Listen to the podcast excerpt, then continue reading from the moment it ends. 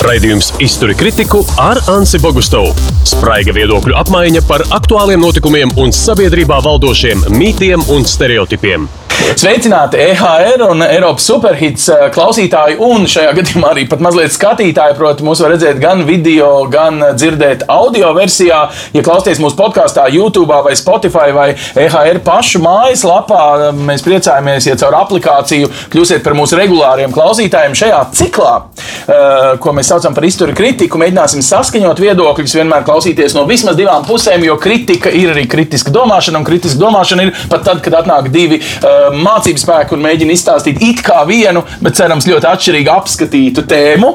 Sāksim ar Jānu. Viņš ir vis tālāk braucis no Valmieras, no Vidzemes augstskolas. Jānis ir asociēts profesors un tieši ar mēdīju lietām, ar komunikāciju lietām, ar sociālo, un es jau pat iemācījos sociālo mēdīju, nevis sociālo tīklu lietām. Savukārt Roberts ir, varētu teikt, skatījies uz to um, no divām pusēm. Jā, savulaik kā regulators, ja tā var teikt, strādājot Politika, ne, ministrijā. Ne, politikas veidošana ir. Jā, jā, jā, bet bet nu, aizvien tā kā mēģinās skatīties tā struktūrēti. Un tagad, savukārt, kā lektors Kultūras akadēmijā, tieši mediju industrijā. Es saku, arī pirmā apmaksātā darba vieta man bija žurnālistika. Ah, nu, re, un abiem jums, jā, un abiem jums ir žurnālistikas pieredze, kā mēs trīs esam tāpēc uz tu.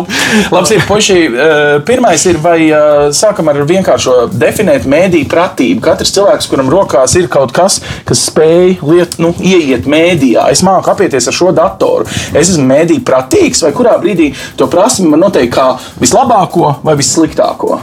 Ui, tas, ir, tas ir sarežģīti. Un uh, tas, ka mēs joprojām uh, daudz šīs intervijas sākam ar šādu jautājumu, Jā. tas jau kaut ko liecina par to, ka tas nav vienkārši. Nu, Protams, ka definīcija ir kāda 300 vai ne? Es pat teiktu, ka definīcija nav daudz, bet jautājums ir, ko mēs kurā brīdī izceļam. Un, protams, tas nozīmē, ka mediju pratību mēs varam ap, apskatīt arī kā spēju lietot tehnoloģijas. Tātad spēju lietot dators, spēju lietot mobilās lietotnes, spēju kaut ko tur izdarīt. Bet tas ir tikai viens elements. Nākamais elements ir par to, ko mēs ar to saturu, ko mēs tur iegūstam, spējam izdarīt. Tad tas ir stāsts par, par kritisko domāšanu, tas ir stāsts par izpratni, kā saturs mēdījos nonāk, kas ir tie cilvēki, kas to veido, kā darbojas reklāma, kas par to visu maksā. Tās arī ir mēdīņu pratības lietas.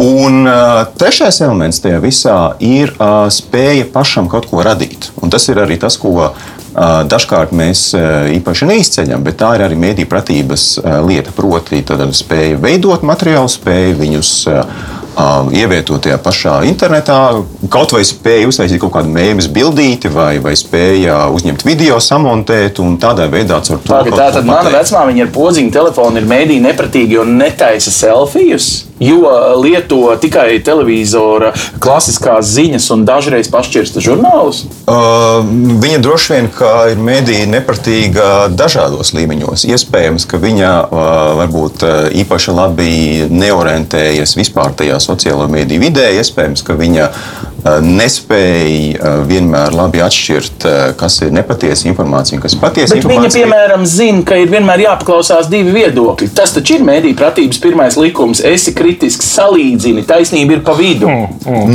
Nē, nē tas, ir, tas ir labs virziens, tas ir labs virziens, tas ir, tas ir labs sākuma punkts, kā mēs to varam skatīties. Proti, tiešām mums nevajag vienmēr ticēt tam, ka kāds kaut ko ir pateicis, un tas tā, tā vienmēr ir. Prot, tas nozīmē, mums tiešām ir jāpameklē dažādi viedokļi, bet pati tā ideja, ka patiesība ir pa vidu, arī mēs būs maldināti. Tāpēc, ka, piemēram, ja, ja atnāks kāds cilvēks un pateiks, ka Zeme ir plakana, un kāds cits cilvēks atnāks un pateiks, nē, Zeme ir apaļa. Pēc šādas mēnešos jā. Amerikā esot pat uh, popularitāte šai idejai, ka viņi patiesībā ir plakani. Jā, jā nu, tas, tas, tas nav pat pēdējos mēnešos, tas ir, uh, ir tāda subkultūra, kur, kur ir tam ļoti visam tīts. Un pēc šādas loģikas mums vajadzētu, mums vajadzētu meklēt to patiesību pa vidu, sacīt, ka Zeme iespējams ir kaut kāda ovāla vai kaut kas mm -hmm. tamlīdzīgs, kas noteikti nav tā. Proti, mm -hmm. ir situācijas, kurās ir skaidri meli, un ja kāds kaut ko saka, tad tie tomēr ir meli, un tikai tāpēc vien, ka kāds kaut ko saka pretēju, tas šos sākotnējos okay. melus nepadara par mazāk melu. Tātad fiziku vēl neviens nav atcēlis, kā Tieši teikt, tā. kaut kāds, teiksim, apkurss speciālists. Labi, bet tagad, Robert, es dzirdēju tā. Mēdīņu pratības svarīgākais ierocis ir kritiskā domāšana. Kāpēc tad visi runā par kaut kādu mēdīņu pratību, kaut ko tik jaunu? Vienkārši pielietojam kritisko domāšanu un viss būs kārtībā ar mani. Bet tas visā. Ja, nu, mēs esam tieši pie tā, ko tu teici. Jo kritiskā domāšana nozīmē, ka tu skaties no dažādiem rakursiem uz kaut kādu lietu, ko tu gribi saprast, piemēram. Ja? Un tu nepieņem pirmo, Jā. ko tu uzzinājis par vienīgo patiesību, bet tu skaties tā kā soli tālāk. Varbūt ir vēl kaut kas tur apkārt. Bet uh, mēdī gadījumā tev ir, protams, tas konkrētais ceļš, kādā veidā līdz, tu tam, līdz tam tu nonāc. Un otrs arī, ko jūs tikko abi iezīmējāt, nu, teiksim, mēdī vidē tu vari jau arī iemācīties saprast, pēc kādiem principiem tu vari atpazīt, ka kāds jau ir to kritiskās domāšanas ceļu gājis un priekš tevis kaut ko atlasījis, kas jau tev ir kvalitatīvas zināšanas, kuras tev vēlreiz Nu, pierāda, ka zeme ir, teiksim, apaļa. Nu, mēs tikko iemācījāmies, ka pēdējos gados ir bijis tā, man ļoti izklaidēja kāds ar nu, mincīšu bildītēm, uh Mhm. -huh. un pēkšņi pirms vēlēšanām viņš tās mincīšu bildīšu izklaižu vietnes pārdod kādam, kas sāk man betonēt. Mhm. Tā tad es esmu pieredzējis pie viņa, tu saki, man patīk viņa atlasītā informācija, viņš mani nodod. Viņš reāli mani pārdod Jā. ar visām manām mincīšu bildīšu sekošanām. Um, es kļūstu par kaut kādu apstrādājumu objektu. Tātad es Anci, pagaidi. nevienu dienu nedrīkstu sekot tikai vienam. Mūsdienu mediju vidē tu esi produkts. Jo, nu, teiksim, kapitālismā vispār, ja tu kaut ko dabū bez maksas, tas nozīmē, ka mm -hmm. tu esi prece. tas ir jāņem vērā, jau ir pārdevuši iepriekš. Tas, tavs laiks, tava uzmanība, jebkam, ko tu dari sociālajos medijos, ir tas, ko tirgo kāds kaut kam tālāk. Tas ir tev uzreiz jāņem vērā, vispār eksistējot mūsdienu mediju pasaulē. Tātad nekas, nekas nav pa brīvu. Nu, nē, nē, nē, ir. Kvalitatīva žurnālistika joprojām maksā naudu. Mēs, tiksim, kā sabiedrība, maksājam aptuveni 30 miljonus, lai mums būtu Latvijas televīzija, Latvijas mm -hmm. radio katru gadu.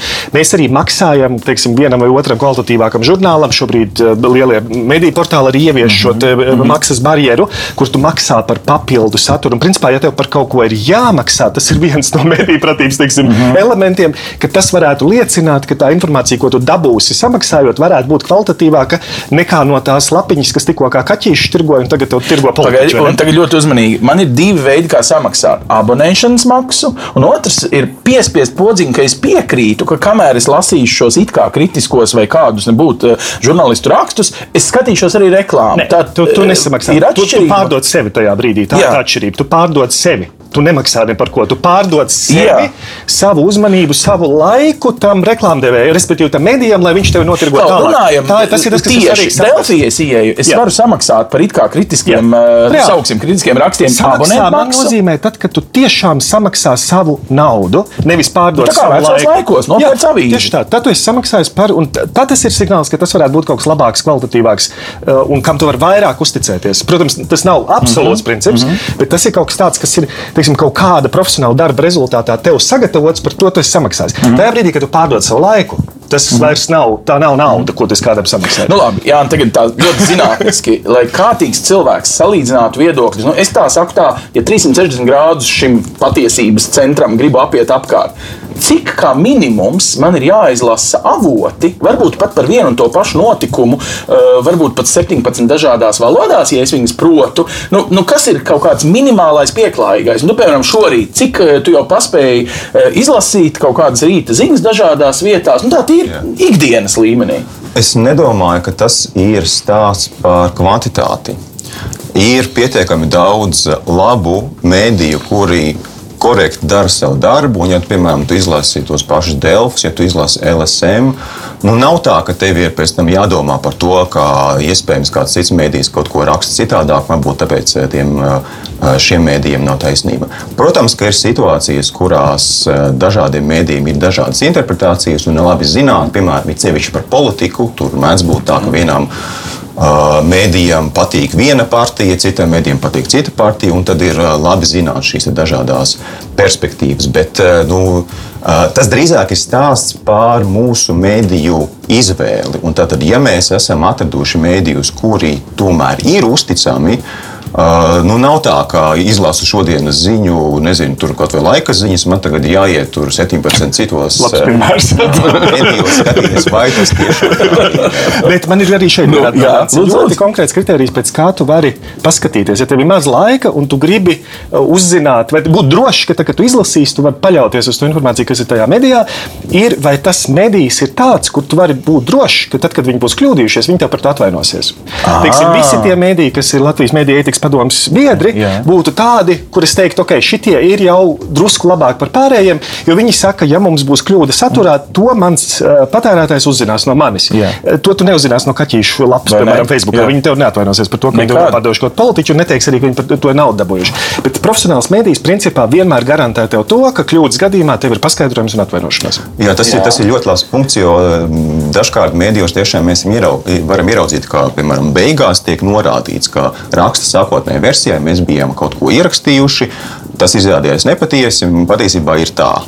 Tas nozīmē, ka tas, tas, tas liecina, ka šis mēdījis ir atklāts, viņš, viņš ir caurskatāms savā, mm -hmm. savā ā, procedūrā. Un, ja tiešām viņi ā, kaut ko izdara neprecīzi, nekorekti, tad viņi ir spējīgi to, to atzīt un viņi ir ā, spējīgi arī to, to nokomunicēt. Un vēl viena lieta, jā. uh, ja tu lasi ziņas, uh, tad būtu ļoti labi, ka tu, tad, kad tu redz portālā parasto virsrakstu, putnis, Jā. uh, kols, Kaut ko tur saka. kaut ko saka, tad tu raksti tajā redakcijā un saki, ka tev interesē arī, ko saka citi par to, ko ir teicis putnis, un tev īsti neinteresē tikai puķņu viedoklis. Vienkārši atgādiniet, ir tīpaši, ja jūs maksājat šiem mēdījiem par to, ka jūs neinteresē pusstundu ātrāk uzzināt, ka putnis kaut ko ir teicis, bet jūs interesē kopējā situācija par to Pagaid, lietu, par Robert, kuru putnis runā.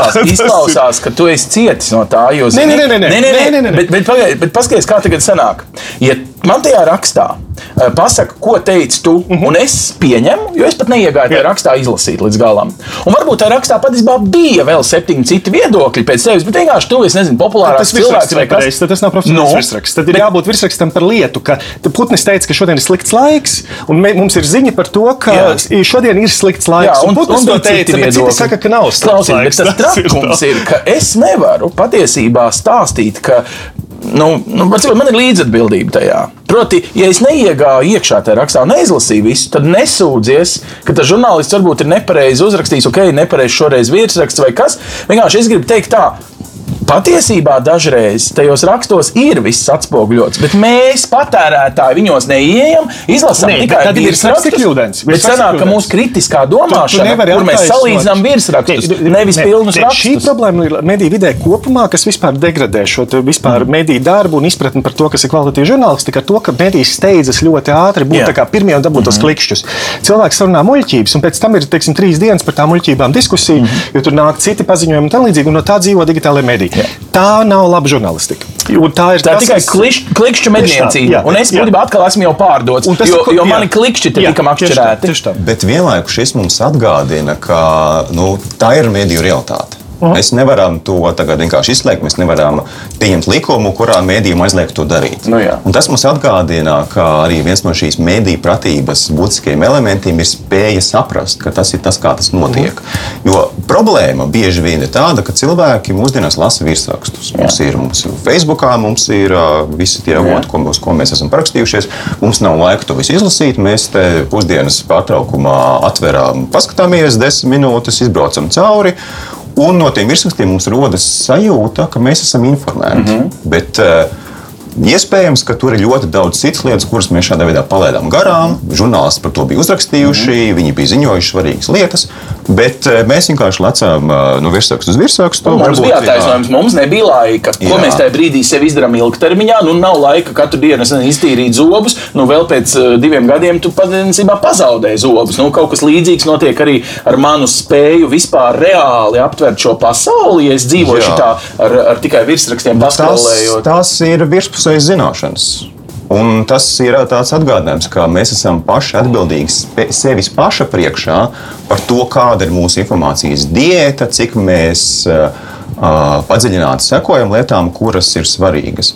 Un šajā sakarā ir, ir vēl viena parādība, kur arī ir ļoti populāra sociālo mediju vidē, un tas ir tas uzskats, ka, ja kaut kas ir svarīgs, tad tā ziņa mani atradīs. Un, un, un lielā mērā, protams, tas tā ir. Piemēram, kaut kas tiešām liels notiek, tur ir, nezinu, tur ir dabas katastrofa vai kaut kāds politisks no- no- notikums.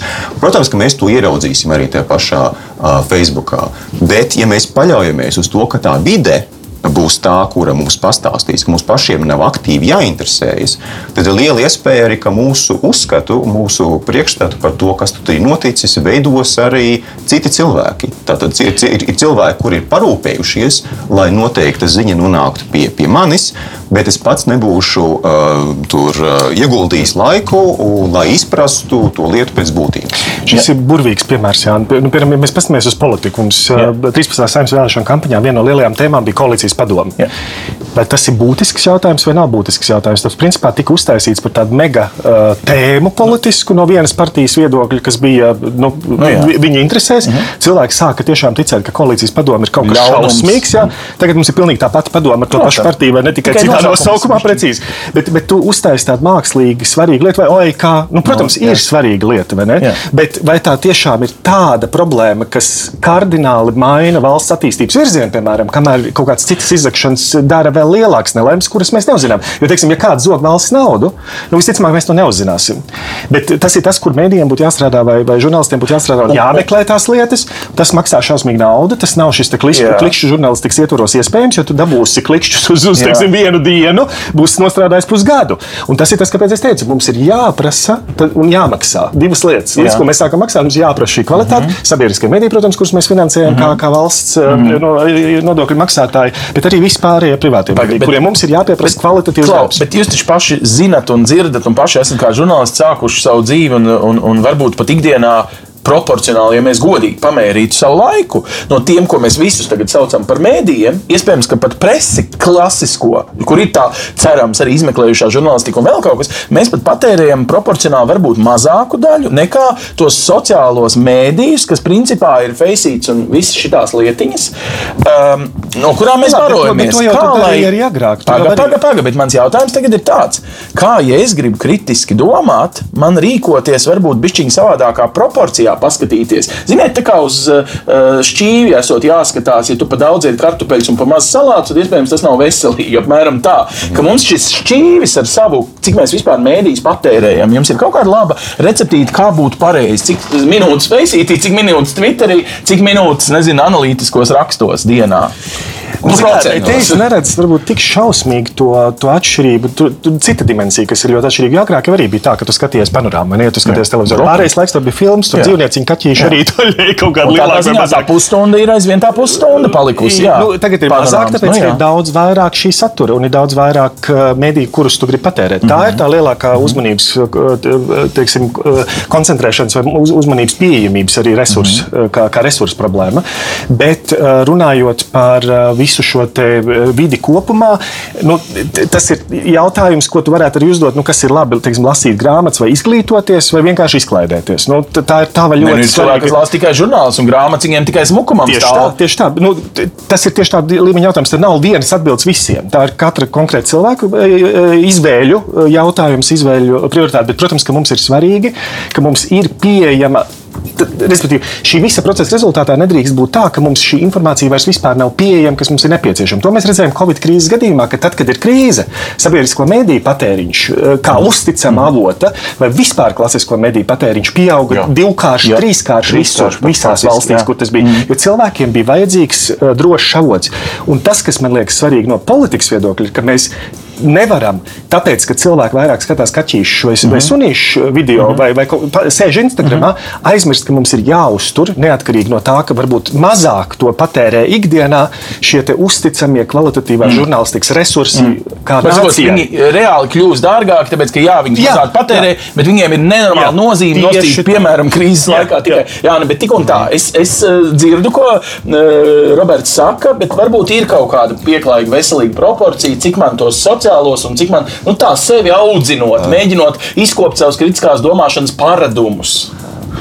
Es arī droši vien nepateikšu nekādas proporcijas, jo mums nevajadzētu vispār nošķirt tā, ka lūk, ir sociālai mēdīji un tad ir parastie mēdīji. Jo arī sociālajos mēdījos mēs sakojam līdzi ziņām.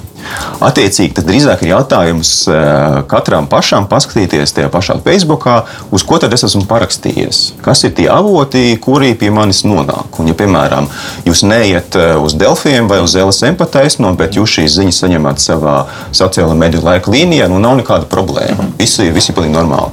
Problēma sākas tad, ja jums ir kaut kādi visādi dīvaini tur informācijas avoti. Uh, un arī tas ir tāda viena parādība par to, kādā veidā šo um, nekorektu, dažkārt arī pilnīgi izdomātu informācijas avotu veidotāji vispār ienāk cilvēku tajās laika līnijās. Man šogad pie, pie, pie manis tika aizstāvēts arī viens maģistra darbs, kurā arī tieši šī parādība tika, tika pētīta, kā cilvēki vispār ar tām viltus ziņām Facebookā saskaras. Un tā viena no tām Bieži izplatītajām parādībām ir, ka kaut kāda cilvēka uztaisa nēsošu cilvēku profilu, mm. teiksim, tur izdomā vārdu, mm. nospēr bildīti mm. internetā, un šis konts uh, sāk darboties kā kaut kāda viltus ziņu portāla pārpublicēšanas kanāls. Un ir Ko diezgan viņš iegūst tādā veidā, viņš iegūst popularitāti. Uh, viņš, viņš, viņš iegūst popularitāti un viņš iegūst naudu. Jo, piemēram, cilvēki, kur uzklišķina uz šīs vilnas ziņas, viņi aiziet tur izlasīt, dažkārt viņi, viņi uzklišķina uz kādas reklāmas, kas ir šajā te, uh, vilnas ziņu lapā. Un tādā veidā mums tiek, tiek ģenerēta. Bet tā, ja viņš man apkalpo šo atlases daļu, man patīk tās tēmas, ko viņš skar, un viņš jau ir atlasījis priekš manis. Es teorētiski, nu, it kā ļoti nekritiski bet jau tiek apkalpots tajā manā vajadzību līmenī, jo viņš tur teiksim, runā nezinu, tikai par dārza darbiem. Ja? Un es esmu dārza darbu fans, ja, piemēram. Mm. Nu, man it kā nav nekādu problēmu, jo žurnāls jau dara tāpat. Pavasarī viņiem ir pilns ar reklāmām un ieteikumu rakstiem, kā kopt zālienu pavasarī, un rudenī viņam par to pašu būs. Ruden... Nu, viņi jau tā kā mēģina piemēroties manām ikdienas vajadzībām un, un, un savā ziņā apkalpo mani. Man ir ērti, man ir tā tāda sajūta, ka es sēžu dīvānā. Lūk, tev ir sajūta, bet iespējams, ka šī sajūta tevi aizved neceļos. Jo, piemēram, ja tava uh, informācijas diēta sastāv no kaut kādām uh, tādām dīvainām uh, lapām, līdz ar to var gadīties, ka tu īsti uh, negūsi tādu korektu priekšstatu par to, kā, kas notiek vispār. Pat kāds laiks ir ārā. ja būtu runa par dārza darbiem, tāpat ir mazākā problēma. Jā. Lielākā problēma ir, ka mēs nomainām tādus korektus, labus mēdījus uz, uz, uz, uz tādiem mēdījiem, kuru uzdevums ir vienkārši piesaistīt mūsu naudu, lai mēs aizējām uz viņu lapām, saklišķinām tur kaut ko un, un jūtamies izklaidējuši. Tādas saraksti jau nav. Nu, pieņemsim, cilvēks iznāk no cietuma, pirmo reizi klausās mūsu radio, un tagad gribētu sev sataisīt sarakstā, kam viņš seko, kam neseko. Kā lai cilvēks saprot, kurā brīdī tas ir? nu, mēsls vai viltnieks, kas mani uzliek uz kaut kādas sev svarīgas adatas, Un, un kurā brīdī es, nu, kā tad skatīties apakšā, ka tā ir īsta redakcija, viņai ir galvenais redaktors, Jā. viņam var piezvanīt, viņu var eh, kaut kā zin, satikt redakcijā, kurai ir pat čiltīt un pat uz reāli uz ielas atrodams. Kā, kā, Tieši tā. Kā, nu? Ne, nu, ļoti labs piemērs. Un, jā, nu. Ne, nu, vienkāršākais ir tas, ka nu, lielākie mēdīji, kur tiešām ir populārākās ziņu vietnes, viņi tiešām ir īsti mēdīji. Protams, mēs varam paskatīties kaut vai uh, statistiku par to, kas ir teiksim, populārākās ziņu vietas Latvijā. Un, visticamāk, tie top 10 jau būs pilnīgi normāls vietnes. Un es īpaši šaubos, ka cilvēki nav dzirdējuši par, par LSM, par sabiedriskiem mēdījiem, Protams, par, par Delfiem, par TVNet. Arī šiem mēdījiem mēs varam atrast kaut kādas problēmas mēs viņus varam kritizēt, tas viss ir pamatoti, bet vismaz par to mēs varam būt droši, ka tur nebūs rakstītas kaut kādas pavisam izdomātas, manipulatīvas ziņas. Un tas vienkārši tur var būt kļūdas. Tas katram ir. Robert, nu, bet tu, piemēram, ietu tagad taisīt man šito sarakstu. Jā. Nu, iedod man kaut kādas trīs kritērijas, pēc kā, ja es, ja es sāku izkopt sevi no balts lapas, un tas, laikam, teorētiski nav iespējams, jo cilvēki jau ir kaut kādu dzīves daļu nodzīvojuši, kad sāk grābstīties gar mobīlo vai, vai, vai kādu iekārtu. Viņiem jau ir kaut kāds priekšstats priekšstats kaut vai no vecākiem. Nu, tā ir ja jaunietis, mhm. piemēram. Bet, bet tā, lai būtu kaut kāda rāmis, ka es daru pareizi, ka es neuzraujos tikai uz troļļiem. Tas, tas, ko mēs tikko runājam, man liekas, ļoti precīzi ir tas, ka tev ir pirmkārt redakcionāla atbildība, kas konkrēti nozīmē, ka tev ir cilvēks ar vārdu un uzvārdu, mm -hmm. kurš, ja viņš ir kļūdījies, samelojies, no viņa var prasīt atbildību. Tad tam rakstam ir reāls un pārbaudāms, teiksim, autors Roberts protams, Putnis, protams, piemēram, kas ir labāk ar bildi un jā. adresi un e-pasta adresi. Vai, teiksim, ja tas ir mēdīja lapa, jo šis netikums arī ir pašā sabiedriskajā mēdījā LSM, ka te ir raksti, kas ir redakcijas raksti. Nu, kas no, nu tas ir par redakcijas rakstu? Nu, tur jābūt autoram, kurš to uzrakstīs. No, Bet galā atbildība ir redaktoram par to saturu. Tam vārdam ir jābūt obligāti. Un parasti visām šīm lapām, kas notirgo tevi kā produktu kādam -hmm. citam, jā. Eh, tām nav. Tu nevari vispār atrast, kas tie ir cilvēkiem, vai varbūt ir kaut kāds viena seja, kurš tad pēc tam spļauj iekšā kaut kāds cits lietas. Nu, Bet par, par to laiku runājot, Ans, ko tu teici, nekā efektīvi tai lietai pieiet, ja tu gribi to labo diētu, tos salātiņus. -hmm. Tas, ko tu vienmēr dari Facebookā, piemēram, ja tu daudz laika pavadi Facebookā, tu vari ieklikšķināt, lai tavā ziņu lentē kā prioritārie parādās noteikti mediji.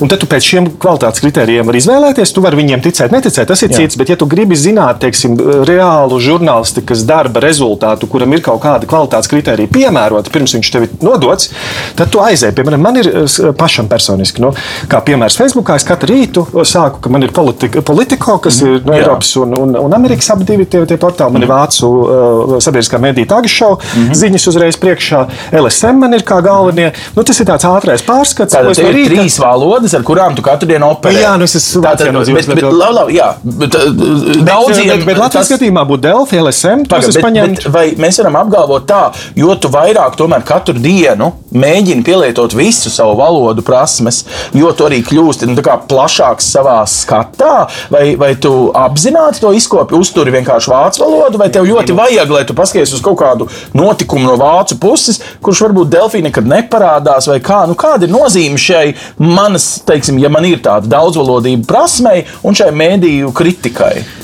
Tā, tā ir milzīga priekšrocība. Jo, teiksim, nu, Vācija šobrīd, ja mēs paskatāmies uz kvalitatīvu žurnālistiku, nu, tur ir gaismas gads, mm -hmm. to, mhm. kas ir Latvijas kvalitāte un kas ir tas, ko bet arī naudas kaudzes ir atšķirīgas. Tas ir milzīgs tirgus, bet tur ir, tur ir tiešām nu, tā, tā informācija teiksim, par to, kas notiek pasaulē, burtiski. Mm -hmm. Ja tu mhm. zini, ka tev ir Frankfurtā Allgemeine Zeitung, kas mm -hmm. ir lielā avīze, viena no lielākajām mm -hmm. avīzēm Vācijā, kurai ir 60, 80 ārvalstu korespondenti, kuri sēž uz vietas un raksta no turienes pazīst cilvēks un ir pirmavots tajā informācijā, kāpēc tam uh, top daudz citu mēdīju informāciju pasaulē. Nu, tas ir tā, tā vienkārši ļoti, ļoti augsts kvalitātes un, un ļoti pil, pilnvērtīga satura informācija. Tāpēc, protams, svešvalodas zināšanas ir milzīgi priekšrocības. Ja kāpēc es to prasu? Latvijā parasti saka apmēram tā, ja tev ir krievu zināšanas, tu citreiz salasies tos krievu mēdījus un paliec dumšs tur, kur tu patiesībā varēji nu, tiešām augstu spaini turēt galvā pirms vispār izdomāt, vai tur iet un lasīt. Citiem vārdiem, citreiz mūsu valodas prasmes var mūs novest, kā Jānis teica, neceļ. Nu, nesaka, bet, teiksim, krieviski arī, ja, ja, ja tev pamatīgi krievu valodu, es noteikti ieteiktu Current Times vai Nestiešie Vriemet, tas sauc, mm -hmm. vai ne kā, kā portāli, kas tomēr ir kvalitatīva žurnālistika, tev ir arī alternatīvie, piemēram, Medūza, Medūza šitā te avīze, kas, kas bija Nizavīsima gazeta, piemēram, ja, Eho Maskvi. Nu, nav tā, ka, teiksim, arī kvalitatīva žurnālistika ir pieejama arī, arī Krievijā un krieviski. Nu, labi, kā ir ar to, tik līdz mums ir valodu dažādība, bet tad atkal jābūt uzmanīgiem, kura valoda, un, un tas pats triks, vai ne? Jāskatās uz avotu. Jā, ir šausmīgi duftu, bet ne tā valsts. Lielākā populārākā avīze Vācijā ir Vilcētums, kas vienkārši vēstu tieši tā. Jā, tas ir skaidrs, ka valoda mums, ta, tas, kurā, tas, kādā valodā ir mēdījis, tas mums neko nepastāst. Mums tāpat vienmēr jāskatās ir, ir pēc būtības. Vai par to valodu es vēl gribēju uh, pieminēt tā, to, ka, ja mēs lasām ārzemju mēdījus, tad ir liela iespēja, ka mēs uzzināsim lietas, kuras mums vienkārši kāds te uh, vietējie mēdīji nestāst. Un, piemēram, nav tā, ka mēs lasām uh, vācu mēdījus vai amerikāņu mēdījus, tad, tad uh, tas, ko viņi stāsta, ir tikai par to, kas notiek Amerikā vai Vācijā, kas varētu būt neinteresē. Tur ir šie, te, šie te lielie mēdīji, piemēram, tur, New York Times vai, vai Vācu Der Spiegel, kuriem ir arī angļu valodas versija vai, piemēram, e, ekonomists, kurš stāsta ne jau tikai par ekonomiku. Lasot šādus mēdījus, mēs krietni paplašinām savu redzesloku. Mm -hmm. Tas ir tas, par ko viņi mēdz rakstīt. Tas ir tēmas, par kurām varbūt mēs paši nekad neiedomātos mm -hmm. Interesēties, bet Jā. vienkārši mēs ieraugām kaut ko tādu, kas ej pasaulē, eksistē šādas lietas. Un, tāpēc arī tas ir kaut kas tāds, kam ir vērts sekot līdzi, jo mēs tur tiešām tā, tā, ir oriģināla žurnālistika. Tas nav tikai, ka mēs, kas ir apcīt viena no žurnālistikas problēmām, ka bieži vien tiek atražotas kaut kādas tēmas kuras kāds ir, ir pametis, piemēram, tur, kaut vai politiķi, kuri mēģina ļoti aktīvi nodarboties ar savām sabiedriskajām attiecībām, tad viņi mēģina kaut kādas šīs tēmas izspēlēt, mēdīji, mēdīji viņas paņēma, un par to tagad mēdīji visu nedēļu ziņo. Ja mēs paskatāmies, piemēram, kaut kādus tur ārzemju mēdījus, mēs tiksim, ieraugām kaut kādas tiešām interesantas lietas. Mēs ieraugām, piemēram, kā, kā kaut kādās citās valstīs par tiem pašiem bēgļiem runā, kā par kaut kādiem ekonomikas procesiem runā, kā par kaut kādām visādām, piemēram, aktuālajām rasu un diskriminācijas lietām runā, un mēs tādā veidā arī varam tiešām savu rezultātu. Šis ir šausmīgi smieklīgi Latvijā kaut ko lasīt par Vāciju. Nu, klasiskais piemērs ir Angela Merkele. Angela. Ko tā vienkārši izraziņā, bet vienkārši ir lietas, kur tu esi izlasījis Vācijas, ko pēc tam tu zini, ka caur CNN vai, vai, vai Amerikas kaut kādu citu mediju vai, vai Britu mediju tas ir pārņemts. Un tas, kas, protams, Latvijā ir ļoti jūtams, un tas ir tas um, Eiropas rakurs iztrūkums. Jo Jā. Latvijas mediju ārlietās parasti to mm -hmm. apstiprinās, Klausa, klausās BBC, BBC un principā amerikāņu medijas. Mm. Bet uh, ir pilnīgi cits rakurs Francijā vai Vācijā vai Zviedrijā, kuru mēs Latvijā diemžēl nesaņemam. Nu, tā ir tā, tā mūsu valodu neprasmes kļūda, varētu jā. teikt, jāmācās. Nē, nu arī redakcionālās politikas jautājums, jo būtu jau cilvēki, kas prot vācu valodu, varētu sekot līdzi, bet jautājums, kāpēc tam neseko līdzi? Labi, tagad, tas, labi, tagad paskatāmies uz šo visu tā. Ir dārzkopu žurnāls, kā jūs dzirdējāt, ir um, jauniešiem, teiksim, varbūt kaut kas inzināts un tā. Un ir tagad nu, to sociālo mēdīju listē, ja es esmu mēdīju pratīgs, es tomēr redzu, ka jaunieši tusē Instagramā, vidējas paudzes ir, teikt, pārņēmušas Facebook ja, ar savām uh, lietām. Un tad ir tāds, piemēram, kanāls Twitter, kuram tam ir maz lietotāji, bet tā izklausās, ka viņš ir nenormāli ietekmīgs, ka tajā tusē politiķi ar, ar žurnālistiem, ka tur viens otram nu, liek sprunguļus un tam līdzīgas lietas. Kā man tagad rīkoties no sociālo tīklu kombinācijas? Arī tur man jāizdara kaut kādas izvēles, jo visam šitam nu, es laikam nevarēšu atrast dienā laiku. Nu, bet, Ansi, bet tu pats minēji to piemēru. Nu, vai, vai tad, ja tu gribētu uzzināt par to, vai Kariņš, Kariņa viedoklis vakardien par to, mm -hmm. ka uh, valsts pārvalde kļūs efektīvāk krīzes laikā, būtu paliekot pie mēdījiem, teiksim, dārzkopības mm -hmm. žurnāls, kur tu to gribētu izlasīt? Taču nē, nav, nav nozīmes. Nu, kāpēc tu ej pie kaut kāda YouTuber? Izņemot, ja tev, teiksim, viņš ir kaut kāds politikas analītiķis, ja, kurš Jā. YouTube kaut ko skaidro. Nu, tie, tie paši principi, kas tev bija analogajā vidē, jau patiesībā ir attiecināmi arī sociālajā. Jā, bet vai tam ir zināma vai bīstamība, vai tas ir tikai normāli, ka vecmāmiņas tusē Faceitī un mazmeitiņas Instagramā? O, vai tas mūs sadala uh, nu, tā tādos tuneļos, jā, ka mēs tāpēc arī uh, viens ar otru mazāk sarunājamies un izprotam viens otru, ka mēs vairs, nu tā teikt, visa ģimene kopā vakarā neskatāmies panorāmu pusdeviņos.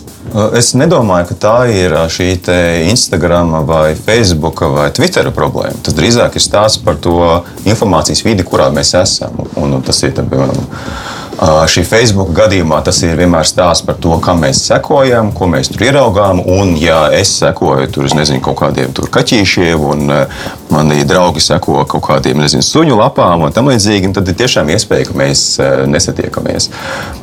Un droši vien otra problēma, ja mēs domājam par to, ar ko, piemēram, atšķiras Facebook un Instagram, tad Instagram tomēr ir šis vizuālais mēdījis. Tur svarīgākā lieta ir bildīte vai varbūt video. Un no komunikācijas zinātnīs viedokļa tu pats apliecinās, ka tās ir trīs ceturdaļas no visas informācijas. Jā, un jautājums, ko mēs no tā uztveram. Jo, piemēram, labi, tajā bildītē varbūt arī kaut kāds apraksts. Apraksts vismaz būs īss. Mm -hmm. To, tas ir kaut kas tāds, ko ir viegli uztvert, bet tas nenozīmē, ka caur šo īso tekstu, šo, caur šo koncentrēto, ierobežoto informāciju mēs būsim guvuši kādu priekšstatu. Tāpēc tomēr labāk ir ziņas tomēr lasīt, lasīt tādos uh, žurnālistikas mēdījos. Protams, mēs varam izmantot uh, Instagram, Twitter un tam līdzīgi. Tā nav nekāda problēma, bet, bet tas nav vienīgais, uz ko mums vajadzētu um, papildināt. Ko, ko Jānis teica, ir ļoti svarīgi mums visiem apzināties, ka pat tad, ja mēs visi trīs Facebookā ieķiksēsim, ka mēs sekojam politiko Delfi mm -hmm. LSM vai vienalga kam, yeah. bet visi trīs vienādi. Yeah. Vienalga mūsu Facebook ziņu lente vienmēr būs individuāli atšķirīga. Tāpēc, ka, mēs... Tāpēc, ka Facebook tirgo mūsu. Jo viņi zina, ka mums ir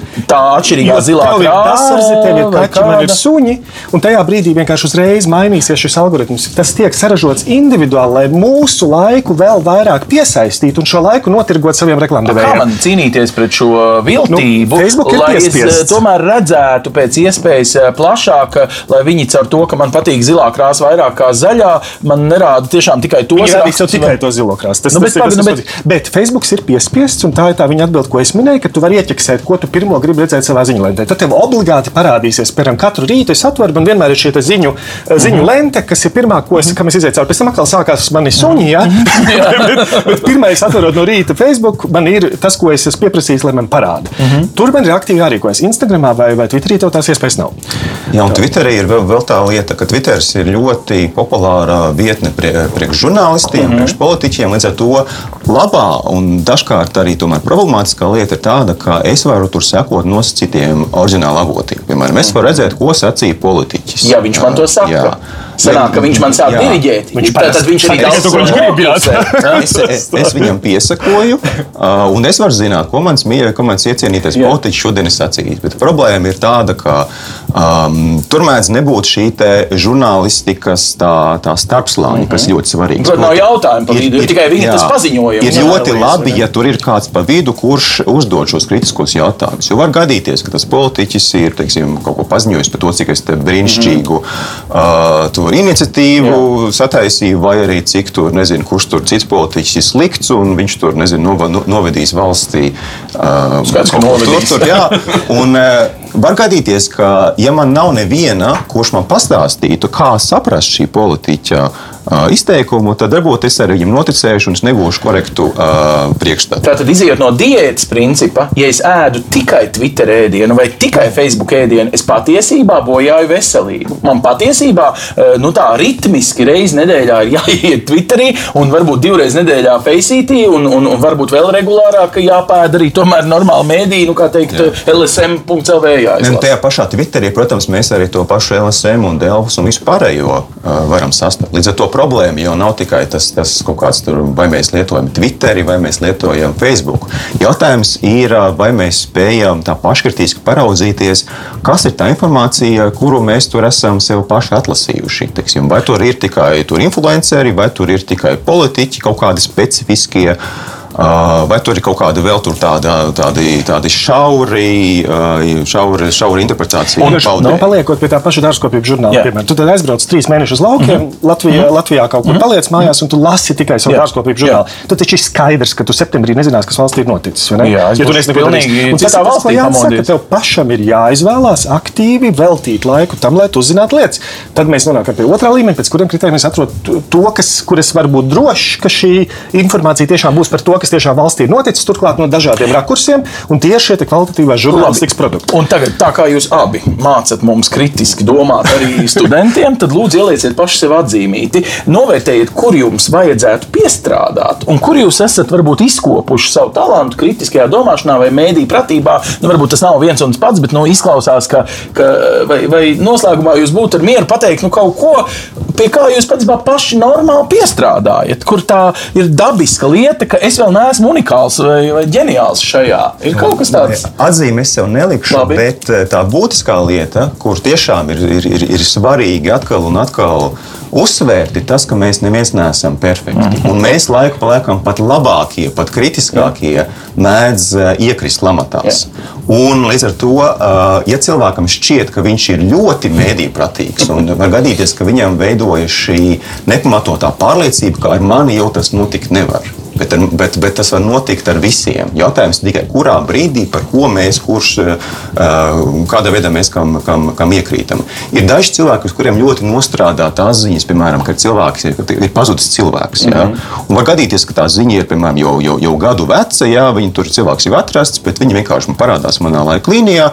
Es esmu, nezinu, tur ļoti līdzcietīgs cilvēks, man ļoti rūp, ja citu sāc izplatīt šīs Jā, arī es, es, es nedomājot, viņi padod tālāk, un man šķiet, ka es esmu izdarījis labu darbu. Jā. Patiesībā. ir citi cilvēki, kuriem varbūt kaut kādas tur vairāk uz sazvērstības teorijām vēl. Jā. Viņi arī kaut ko ieraug tādu, kas viņi noklikšķim, šķiet, ka wow, šis, šis ir kaut kas tāds pamatots, un tad arī padod tālāk. Tā kā katram no mums ir šie Ok. okay. te, uh, vājie punkti, kaut, kā, kaut kas, ko mēs nepamanām, kaut kas, ko mēs uh, noturām par kaut ko citu. Piemēram, arī mēdz būt šie gadījumi, kad uh, cilvēki uzdodas par kādiem citiem uh, sociālos mēdījos, piemēram, uzstājas tur politiķa viltus uh, Profilu. uh, profilu. It kā un viņa vārdā uzrunā nāciju. Jā, un tad vienkārši kāds, kāds uh, sekotājs nodomā, "O, ok, pat politiķis šito saka, varbūt tiešām tas tā ir, ir, bet patiesībā tur ir kaut kas, kaut kas noticis. Tā kā ir, ir ļoti svarīgi paturēt prātā, ka, ka nav tā, ka te ir kaut kāda viena vakcīna, ko mēs te tagad uh, sev iepotēsim un mēs, mēs, mēs kļūsim uh, Turklāt, ja tu sazini, vai pēc gada vai diviem tas viss nebūs atkal pilnīgi savādāk. Labs, ir liks sev atzīmēt. Nē, nē, nē, nē. Labi, nē, es dalījos ar- Sev atzīmes neliek. Tieši tā, es esmu pats dalījies ar vilnu ziņām. Tā kā divnieks pilnīgākais un ar manā priekšā tas nekas ja? nedrīkst nedrīkst notikt. Tāpēc man tiešām paldies Jānim par šo lietu, Jā.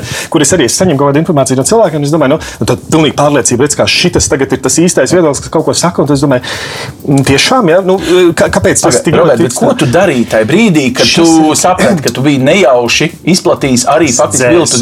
Labi, tu dzēsi, bet tu kā tu dramatiski. mācīji, ka uzticams mēdīs uh, atvainotos, vai tu vēl rakstīji draugiem, hei, puiši, neņemiet šito nopietni, nav vērts atcēlos. Ah, okay. bet, bet uh, ne, nu, to, to varētu, protams, darīt. Tas, man liekas, arī būtu korekti patiesībā tiešām to darīt, bet uh, nu, ar, ar to dzīvības ilgumu, kas ir šajā informācijā, tiem 6-12 stundas jau ļoti daudz mūsdienās kaut kādai ziņai. Jā, jā, Nemaz nenāk par kaut kādu internetu postu. ne? Protams, tie, kas aiziet virāli, tā, tā cita lieta. Bet uh, tas, tas, ko tu jautāji par to izaicinājumu, kas man liekas ļoti, ļoti svarīgs un ko es labprāt arī nu, kā pārdomas iedot līdz citiem, ir uh, šī te. Um, piespiešanās interesēties par citu alternatīvu viedokli. Nu, es tiešām mm -hmm. apzināti sakožu zobus kaut kad mm -hmm. vakarā uh, un domāju, nē, nu, tad jāapstāsta, ko tas idiots jā, Jā. saka. Var Un cikot, tad- tu nemet viņam ar čību, bet tu sakos tiem zobiem, Jā. izlasi, lai pārdurtu savu burbuli, lai Jā, nedzīvotu un- savā komforta zonā visu laiku. Tas ir, un, un arī saprastu, kā funkcionē tas, kā, kā, kā, kā tā informācija vai tie mēli arī ļoti bieži pavelk cilvēkus. Un viena lieta, ko es esmu identificējis, kas pavelk cilvēkus, bet kur es aicinu katru domāt, ka, ja tev mostas šīs emocijas, ja tu saņem informāciju, ka tu kļūsti nikns, vai, tev, vai tu sāc ienīst kādu, par ko ir šī informācija, lai tā tev ir tā sarkanā lampiņa, ka mm. tu tiec manipulēts. Mm -hmm. Jo parasti tas cilvēks, viņš nav tas ļaunuma iemiesojums, par kuru tagad ir šie meli, bet viņam ir kaut kāda cita doma, cits koncepts galvā, kāpēc viņš to ir izdarījis vai to darījis. Protams, viņš var būt noziedznieks, viņš var būt vēl kaut ko izdarījis, bet parasti politikā tā nav. Politiķiem ir ļoti izdevīgi spēlēties ar mūsu kā vēlētāju emocijām, jo tas mūs uzvelk. Bet tajā brīdī, ja tev kāds politiķis sāk uzvilkt, un tu jūties emocionāli nikns un gribi sist kādam pa seju pēc tam, kad tu esi noskatījies, ko viņš dara, parasti tas nozīmē, ka tu esi nomanipulēts. Hei, nu, šis ir paldies, tāpēc, ka Roberts uh, ir arī uh, nu, jāpasaka, vienkārši godīgi, jā, progresīvā partijā, bet neies jau uz Rīgas domu. Tādā ziņā, ka tūlīt būs Rīgas domas vēlēšanas, un šis noderēs arī, lai šo visu mediju pratības sajūtu, kā teikt, pielietot šovasar, brīdī, kad Starp citu, jā, vēlēšanas. Jā, jā, un mums uzbruks, jā, jā, un jā. mums būs visādi Un ir baigi izaicinājumi. Ir jāskatās, ko saka citas partijas. Izdala ar septiņu. Izdala ar septiņu, jo, jo, jo cilvēki, kas balsoja par KPVLV vai, vai, vai, vai teiksim, JKP, nu, ir ļoti vīlušies. Mm. Un, un, ja mēs paskatāmies atpakaļ uz 13. Mm. saimnes vēlēšanām, nu, bija 500, 500, 500. Nu, tas bija koncepts, kas mm. bija nes, nu, ne, sapnis. Vajadzēja klausīties citos, kur teica, ka tas nav iespējams, un ka, ka tu būsi pievilcis. Vai koalīcijas padomu, piemēram, vai OIK sistēma. Mm. Visi teica, ka OIK nevar atcelt tiesiskā valstī tādā Ah, veidā, kā bija. bet šie ir vērtīgi. Ja tu pielieto kritisko domāšanu laicīgi, tad patiesībā tu samazini savu vilšanās sarakstu. Protams, protams, ideāli. Jā, šis ir baigi noderīgi. Tomēr vajag to mediju pratību un kritisko domāšanu. Labi, puiši, jā. Vēl viena lieta, ko es gribēju pateikt par, par to, kā mēs reaģējam uz kaut kādām problemātiskām lietām. Jā, tās emocijas tas ļoti svarīgi, tāpēc ka emocijas ir arī viena no valūtām, kas vispār arī veido šo sociālo mediju ekonomiku. Tas nozīmē, ka tie raksti, kuri piesaista emocijas, viņi, viņi ir tendēti būt populārāki. Cilvēki tur nāk, viņi vēl klikšķina, viņi arī biežāk tiek parādīti citiem cilvēkiem. Bet otrs aspekts ir par to, ko darīt situācijā, kurā mēs saskaramies ar kaut ko, kas ir acīm redzami nepatiess vai, vai manipulatīvs vai, vai, vai tam līdzīgi. Um, un, man šķiet, ka sliktākais, ko var darīt, ir to visu vienkārši ignorēt. Mm. Ir iespējams ziņot arī šīm pašām vietnēm, ziņot uh, Facebookam par to, ka ir pro- problemātisks saturs. Ir iespējams ar saviem draugiem norādīt, ka tas, ko jūs tagad uh, padevāt tālāk, ka tā ar to ir problēma. Bet ar šo ir jābūt ļoti uzmanīgam, tāpēc ka cilvēki mēdz arī ļoti sāpīgi reaģēt, tad, kad viņiem norāda uz kļūdām. Piemēram, tur kāds jūsu draugs ir ierakstījis, nezinu, tur par to, nezinu, kaut ko, kaut kādas tur par, tur, nezinu. Nu, jūs šo draugu ā, pazaudējat. Jā, un tad jūs vienkārši, vienkāršākais, ko jūs varat izdarīt, ir viņam komentāros ie- iepublicēt kaut kādu citu materiālu saiti, kurā vienkārši tika paskaidrots, kāpēc tas ir slikti. Un tad, tādā gadījumā draugs var apvainoties, tāpēc, ka viņam šķiet, ka tu tagad esi viņu publiski pazemojis, jo tu esi norādījis, ka viņš ir kļūdījies.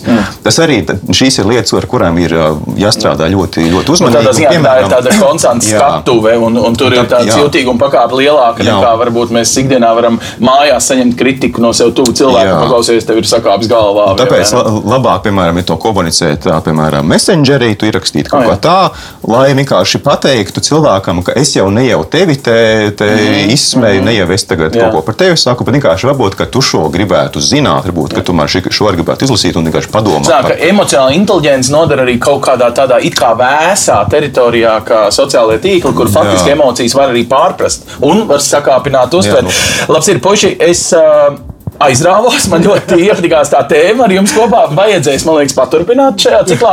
Patiesībā tiem, kas šo ciklu gribētu turpināt, eh, vienā no nākamajām reizēm mēs satiksim Edgars, kurš strādā tajās kompānijās, kuras sauc, kas programmē mūsu prātu. Proti, viņš ir reklāmas programmēšanas biznesā, bet tas var noderēt arī, lai ieskatītos gan, ko varbūt tiešām pielieto politiķi pret mūsu prātu, ko pielieto nu, dažādas industrijas. Kāpēc es to saku? Tāpēc, ka šis eh, gan podkāsts, gan radio raidījuma versija būs dzirdams pirmkārt jau EHR mājaslapā un aplikācijā, arī YouTube un Spotify.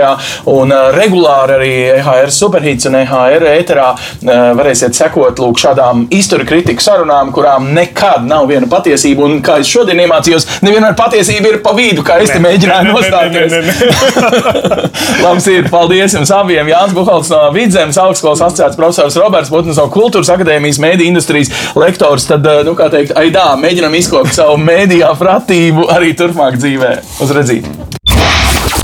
Raidījums tapis sadarbībā ar Nacionālo elektronisko plašsaziņas līdzekļu padomi sabiedriskā pasūtījuma ietvaros.